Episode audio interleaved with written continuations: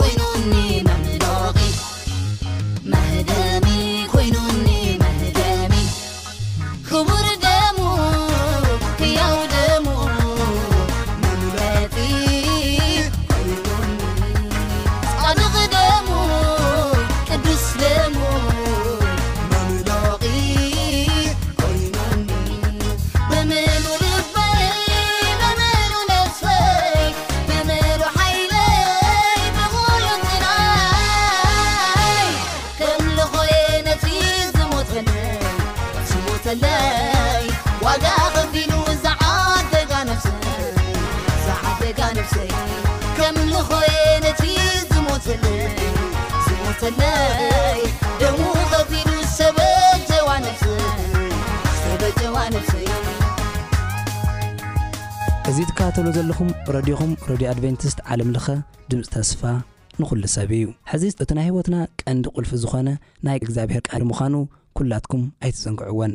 እስቲ ብሓባር እነዳምፅ።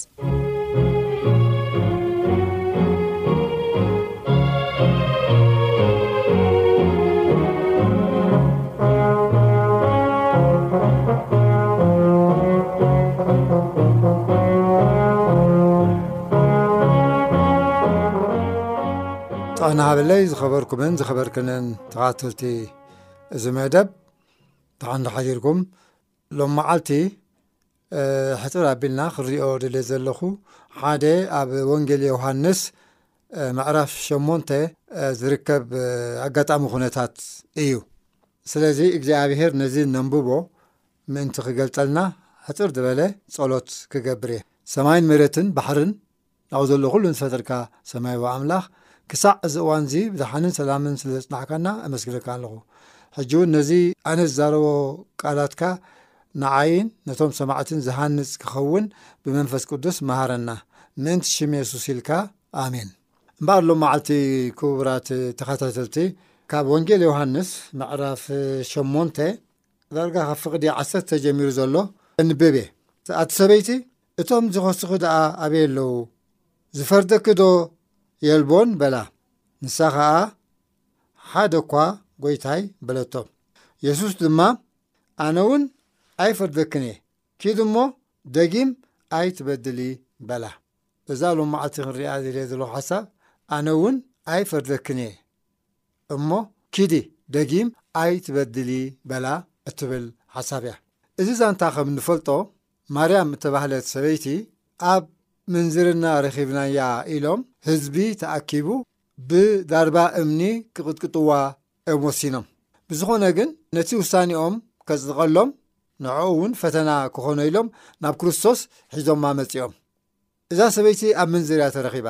ሙሴ ኸኣ ከምዚ ዝበለን ትገብር ሰበይቲ ብዳርባ እምኒ ቀጥቂጥና ክንቀትላ ኣዚዙና ኣሎ ንስኻኸ እንታይ ኢኻ ትብል ኢሎሞ ክርስቶስ እቲ ኣመጻጽኦምን እቲ ተንኮሎምን ርእዩ ብዝኾነ ድሕሪ ቁሩብ ጻኒሒት እታ ዝበሎም እንታይ እያ ሓቅኹም ኢኹም ጽቡቕ ኢሎም ሙሴ ከምኡ ኣዚዝኩም እዩ እምበኣር ሕጂ ካባኻትኩም ሓጢኣት ዘይብሉ ጻድቕ ሰብ እንተሎ ንሱ ናይ መጀመርያ እምኒ የውድቐላ ድሕሪኡ ትቐትልዋ ኢልዎም ድን ኢሉ ክጽሕፍ ምስ ጀመረ ዋላ ሓደ እኳ ደፊሩ ነዛ ሰበይቲ እምኒ ክድርብየላ ዝኸኣለ ሰብ ኣይተረኽበን። ሓጢኣት ዘይብሉ ጻድቕ እንተኾይኑ ክሳዕ እዚ እዋን እዚ ሓደ ሰብ ሕዚ እውን ነዛ ሰበይቲ እዚኣ ብምቕታል ወይ እምኒ ብምውዳቕ ሓጢኣት ክፍጽም ኣይደልን እዩ እቶም መብዝሕትኦም ግና ኣብ ውሽጦም ሕርርኽ ዝብሎም ናይ ዓርሶም ዝኸውን በደልን ሓጢኣትን ስለ ዘለዎም እዩ ኩሎም ከምዛ ዘይነበሩ ገዲፎማ ከይዶም ሐዚ እስቲ ንዓርስና ኣብዚ ናይዛ ሰበይቲ እዚኣ ቦታ ነቐምጥ እሞ በቲ ናይ ከባቢና ማሕበረሰብ ተኾኒንና ሞትና ርግፅ ኮይኑ ንስቃይ ንሽግርን እናተፀበና ኣብ ከምዚ ኣመሰለ ኩነታት ጠጠው ክንብል ከለና ኣብቲ ናይታ ሰበይቲ ቦታ ከና ተርእናዮ ብጣዕሚ ሕማቅ ኩነታት እዩ ዘፍርሕ ዘሸግር ዘሰንብድ ኩነታት እዩ እታ ሰበይቲ ምንም ክትገብሮ ትኽእል ነገር የብላን ግን ከመይ ኢላ ተጻዊራቶ ንባዕሉ ዝገርም ነገር እዩ ምናልባሽ ቅድሚ ሕጂ ንክርስቶስ ትፈልጦ ነይራ ትኸውን ግን ብኸምዚ ኩነታት ኣይፈለጠቶን ነታ ናይ ስቓይን ሕማምን ሞትን ግዜ እያ ትጽበ ነይራ እቶም ከሰስታ ኩሎም በብሓደ ምስ ከዱ ግና ክርስቶስ ኣቲ ሰበይቲ እንታይ ደኣ ንበይንኺ ጠጠው ኢልኪ ኣበይ ከይዶም እቶም ዝኸሰሱኺ ክፈርደኪ ዝደፈረ ሰብ የለን ድዩ ወላ ሓደ እኳ የለን ጎይታይ ኢልዋ በሊ ኣነ እውን ኣይፈርደክን እየ ኢልዋ ክርስቶስ እንታይ እዩ ማለቱ ክርስቶስ ክፈርዳ ይኽእል ዶ ነይሩ ብርግፅ እዛ ሰበይቲ እዚኣ እቲ ንሳቶም እቶም ሰባት ዘበገስሉ ብዙሕ ተንኮልን ብዙሕ ካልእ ነገርን ክነብሮ ይኽእል እዩ ነቲ ነገር ግን ፈፂማቶ እያ ምንዝርና ብሓደ ውልቀ ሰብ ዝፍጸም ነገር ኣይኮነን። እዛ ሰበይቲ እዚኣ ክትምንዝር ትኽእል ምስ ሰብ እዩ ምስ ሰብኣይ እዩ እዞም ሰባት እዚኦም ንሕማቕ ክቃወሙ ንሓጢኣት ከወግዱ ዝደልዩ ነይሮም እንተዝኾኑ እቲ ምስኣ ዘመንዘረ ሰብኣይ እንታይ ኮይኖም ገዲፎሞ ብጭቡጥ ሒዞማ ተኮይኖም ብዝኾነ ግን እዛ ሰበይቲ እዚኣ እቲ ኣብቲ ሽዑ ዝነበረቶ ኩነታት ንርእስና ኣቐሚጥና ክንርኢ ከለና ብጣዕሚ ዘጨንቕ ኣብ ሕማቕ ኩነታት እያ ነይራ ነቶም ሰባት በብሓደ ክኸዱ ምስ ረኣየቶም ቁሩብ ምርግጋእ ረኺባ ክትከውን ትኽእል እያ። ክርስቶስ እንታይ ከም ዝውስን እውን ኣይፈለጠትን። ነቲ ሕቶኦም ኣቐዲሙ ብኣሉታ ኣይነጸጎን። ነቲ ሕቶኦም ተቐቢልዎ እዩ። እዋ ሓቅኹም ኢኹም፣ ሙሴኹም እዩ ኣዚዙ ኢሉ እዩ። ስለዚ እሳ ሕጂ ክርስቶስ ከ እንታይ እዩ ክገብረኒ? ባዕሉ ድዩ ክቐትለኒ? እንታይ እዩ ክገብረኒ? ኢላ ከይተጨነቐት ኣይተርፍን። ክርስቶስ ግን መልእኽቱ እንታይ እዩ ዝነበረ? ንምንታይ እዩ ኣብቲ እዋን እቲ ናብ ዓለም ዝመጸ? መጽሓፍ ቅዱስ እንታይ እዩ ዝብለና? ንጭፍሉቕ ሻምብቆ ኣይሰብርን፣ ንዝተክኽ ፈትሊ ጥዋፍ ኣየጥፍእን እዩ ዝብለና። ናብ ኣፋፍ ሞት ዝበጽሐ ሰብ ደፊኡ ኣይቀትሎን እዩ እዩ ዝብለና ዘሎ። ስለዚ እዛ ሰበይቲ እዚኣ ሕጂ ኣብ ኣፋፍ ሞት እያ ነይራ። ክርስቶስ ግን ን ሓጥእ ሰብ ንምስኪን ሰብ ንድኻ ሰብ ክገፍዕ ክቐትል ኣይመፀን እንታይ ድኣ ክገብር መፅዩ ንዓርሱ በጃ ሂቡ ንድኻታት ሰባት ንሓጢኣተኛታት ሰባት ክድሕን እዩ መፅኡ ሕዚ ኣብዛ ኣእምሮ ኣብዚ ኣእምሮ ነዛ ሰበይቲ ዝነበረ ኩነታት ክነሰውዕሎ ንኽእል ካብ ብርቱዕ ፍርሒ ካብ ብርቱዕ ራዕዲ ናብ ርእሰ ተኣማንነት ኣነ እውን ኣይፈርደክን እየ ኪዲ እንታይ ግበሪ ከም ድላይ ክንበሪ ኣብቲ ዝሙት ተመለሲ ኣይኮነን ኪዲ እሞ ደጊም ኣይትበድሊ ኢሉ እዩ ፋኒዋ ክርስቶስ እዚ እቲ ናይ ምሕረት መልሲ ኪዲ እሞ እንደገና ኣይትበድሊ ኣነ ንሓጢኣተኛ ከድሕን ነቶም ኣብ ኣፍ ሞት ዘለዉ ካብኡ ከውፅእ ኤምበሪ ንግፉዕ ክገፍዕ ኣይመጻእኩን ንሓጢኣተኛ ክቐትል ኣይመጻእኩን ስለዚ ሕዚ እቲ እዛ ሰበይቲ ኣብ ኣእምሮኣ ዝመጸ ናይ እፎይታ ናይ ቅሳነት ለውጢ ክንግምቶ ንኽእል ኢና ኣነ እውን ኣይፈርደክን እየ ኣይኩንነክን እየ ደመይ ኣፍሲሰ ንዓኽን ከማኺ ንዝመሰሉን ብዘይፍላጥ ሓጢኣት ንዝገብሩ ሰባት ከድሕኖም እየ መጽኤ ስለዚ ብሰላም ኪዲ ንገዛኺ ምናልባሽ እቶም ከሰስቲ ሰባት ኣብ ተፈላለየ ቦታታት ኮይኖም ክጸናተዉ ጸኒሖም ክኾኑ ይኽእሉ እዮም ክርስቶስ እንታይ እዩ ክገብራ ነዛ ሰበይቲ ኢሎም ስለዚ ኣብዚ ክርስቶስ ነቲ ናይዞም ስባ እዚኦም ሕቶ ብጥበብ ይመሊስዎ ሙሴ ናይ ዓርሱ ሕቶ ናይ ርእሱ ሕጊ ኣይኮነን እግዚኣብሄር ዝሃቦ ትእዛዝ እዩ ኣብ ከምዚ ዝኣመሰለ ኣጸያፊ ኩነት እተረኽበ ሰብ ካብ መንጎኹም ሓጢኣት ኣርሕቑ፣ ብዛረባ እምኒ ቅተልዎ፣ ኣብ ቅሉዕ ምንዝርና ዝኣተወ ሰብ ክቕተል ኣለዎ። ናይ ሙሴ ሕጊ ኣይኮነን፣ ናይ እግዚኣብሔር ሕጊ እዩ። ግናኸ ናብ ካልእ ሰብ ናብ ናይ ካልእ ሰብ ሓጢኣት ኢድና ካብ ምውጥዋጥ ኣቐዲምና እንታይ ኢና ክንርኢ ዘለና? ንዓርስና ኢና ክንርኢ ዘለና። እቲ ጽሑፍ እንታይ ዝብል? ኣይትፍረድ ከይፍረደካ። ቀሊል እዩ ንሰብ ኣበሩ እናውጻእካ ከተዋርዶ ቀሊል እዩ።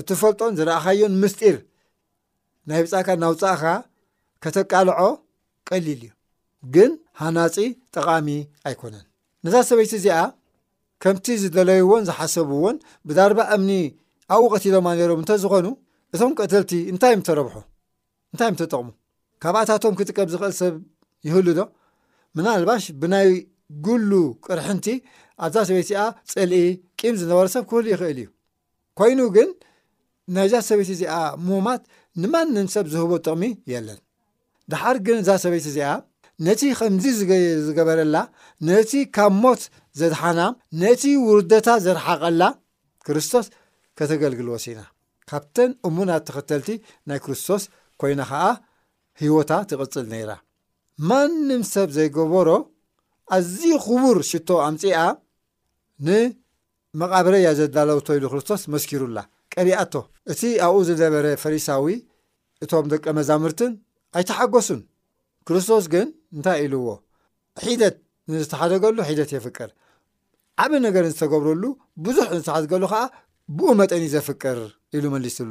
እዛ ሰበይቲ እዚኣ ኣብቲ ዝነበረቶ ኩነታት ጠጠው ኣቢልና ክንሪኣ ከለና ኣብ ኣዝዩ ሓደገኛን ኣስጋእን ኩነታት እያ ነይራ እቲ ዝበፅሓ ሞራላዊ ውርደት እቲ ዝበፅሓ ኣደራዕ ጥራይ ዘይኮነሲ ንሞት እያ ተዳልያ ነይራ ክንደ እምኒ እዮም ክድርቢ ኢላ እቲ እምኒ ከመይ ገይሩ ዩ ከሳቅያ ርእሳ ዲ ክፈግኣ ኣስናና ዲ ከርግፋ ዓይና ድዩ ከንቁራ እንታይ ክገብራ እቲ እምኒ ብዙሕ ዘጨንቕ ነገር እዩ ኣብ ከምዚ ዝኣመሰለ ወጥሪ ከላ ክርስቶስ ሓጊዝዋ ረዲእዋ ክርስቶስ ከኣ ከምኡ ዝገበረ ንማንም ካልእ ነገር ዘይኮነሲ ተልእኩኡ ከምኡ ስለ ዝኾነ ሰብ ከይዋረድ ሰብ ከይመውት ሰብ ኣብ ሽግር ከይወድቕ ንሰብ ምእንቲ ከድሕን ኢሉ ስለ ዝመፀ ነዛ ሰበይቲ እዚኣ ከዓ ኣድሒንዋ ከምኡ ኢሉ ስነቢ ዝተክኽ ፈትሊ ጥዋፍ ኣየጥፍእን ጭፍሉቕ ሻምብቆ ኣይሰብርን። ጭፍሉቕ ሻምብቆ ጭፍሉቕ እኮ እዩ፣ ምንም ጥቕሚ ኣይብሉን። ፈትሊ ጥዋፍ እቲ ብርሃን ክህብ ዝነድድ ቅብኣቱ ወዲኡ ኣብቲ ኣብ ምትካኽ ዘሎ እዩ። ምንም መምለሲ መተካእታ ዘይብሉ ግን ክርስቶስ ንኸምዚ ዝኣመሰለ ኣብቲ ናይ መጠረስታ ውድቀትን ናይ ተስፋ ምቑራፅን ንዘሎ ሰብ ካብኡ ከድሕን እዩ መጺኡ። እዛ ሰበይቲ እዚኣ ኸኣ ናይቲ ናይ ክርስቶስ ንዓለም ሒዝዎ ዝመጸ ተልእኾ ዋና ምስክር እያ። ምናልባሽ ንዓና ኣብ ከምኡ ዝኣመሰለ ዅነታት ስለ ዘይኰንና፣ እቲ ናይታ ሰበይቲ እቲኣ ቅድሚ ናይ ክርስቶስ ውሳነን ድሕሪ ናይ ክርስቶስ ውሳነን ኣብ ኣእምሮኣ ኽመጽእ ዝኽእል ስነ-ኣእምሮኣዊ ለውጢ ኣዝዩ ዓቢ እዩ ብርግጽ ካብ ሞት ናብ ህይወት ካብ ዘይምንባር ናብ ምንባር ካብ ውርደት ናብ ምሉእ ሰብ ሰብኣውነት ክብሪ እያ ተሰጋጊራ ስለዚ ክርስቶስ ከዓ ንኸምዚ እዩ ዝመፀ ኣነ ንሃብታማትን ንጻድቃንን ከናዲ ኣይመጻእኩን ነቶም ድኻታትን ሓጢኣተኛታትን እየ ከናዲ መጽኤ ንዕኦም ካብቲ ዘለዎ ሕማቕ መነባብሮ ናብቲ ልዑል እግዚኣብሔር ዝመድበሎም መነባብሮ ናብኡ ክብ ከብሎም እየ መጺኤ ኢሉ። ናይዛ ሰበይቲ ከኣ ዓብዪ ናይ ክርስቶስ ተልእኾ ምስክር እዩ። ርእሳ ቅኒዓ፣ ሞራላ ተሓዲሱ፣ እናተደፍኤት ርእሳ ድኒና ዝመጸት ሰበይቲ ርእሳ ቅኒዓ፣ ሳላ ናይ ክርስቶስ ውሳኔ ከም ሰብ ምሉእ ምሉእ እግራ እናረገጸት ንገዛኣ ተመሊሳ። ካብዚ ንደሓር ከኣ በቲ ክርስቶስ ዝሃባ ጸጋ ርእሳ ዘድንን ዘዋርድ ተግባር ኣይፈጸመትን። ወንጌል እምበኣር እዚ እዩ፣ ኣነ እውን ኣይፈርደክን እየ፣ ኪዲ ደጊም ኣይትበድሊ። ስለዚ ክርስቶስ እውን ንኹልና ነቲ ሕርኽርኽ ዝብለና ነቲ ኣብ ሕልናና ዘሎ ሕማቕ ሓሳብ ሓጢኣት ክንገድፎ እዩ ጸጋ ዝህበና። ካብኡ ክንወጽእ እዩ ጸጋ ዝህበና። ካብ ውርደት ክንወጽእ እዩ ጸጋ ዝህበና። በቲ ዝህበና ጸጋ ከኣ ብትብዓት፣ ብጽድቂ፣ ብጽቡቕ መነባብሮ ክንቅጽል ክንገስግስ ንኽእል።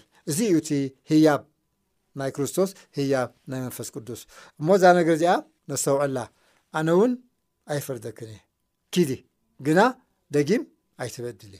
ስለዚ ክርስቶስ ብዘይ ፍላጥ ብዝኻም ንዝገበርናይ ኩሉ ሓጢኣት ይቕረ ብለና እዩ ደጋጊምና ኣብ ሓጢኣትና ንፀንዕ ደጋጊምና ሕማቕ ንገብር እንተኮይንና ግን ንዓርስና እናኽረርና ናብ ሕማቕ ገፅና ኢና ንኸይድ እሞ ክርስቶስ ሎመዓልቲ እቲ ንሕድሕድና ዝህቦ መልእኽቲ ኣነ እውን ኣይፈርደኩምን እየ ደጊም ኣይትበድሉ ቅድሚ ሕጂ ዝገበርኩሞ ኩሉ እንተ ተናቲሕኩምሉ ይቕረ ክብለልኩም እየ እቲ ዕዳ ከፊለየ እየ ስለዚ ብድሓን ብሰላም ተመላለሱ ብሰላም ንበሩ ናብቲ ዝገደፍኩሞ ሕማቕ ባህርይ ናብቲ ዝገደፍኩሞ ሓጢኣት ኣይትመለሱ ካብዚ ዘለኹሞ እተለወጠ ህይወት ንእግዚኣብሔር ፍርሃት ዘለዎ ናይ ጽድቅን ናይ ቅንዕናን ህይወት ንበሩ ኣነ ከኣ ኩሉሳዕ ብጸጋይ ክሕግዘኩም እየ እሞ እታ ኣብ እእምሮና ክንወስዳ ዝግብኣና ኣበይ ኢና ዘለና ኣበይ ደው ኢልና ኣለና እቲ ናይ ክርስቶስ ድምጺ ናባና ይመጽእ ኣሎ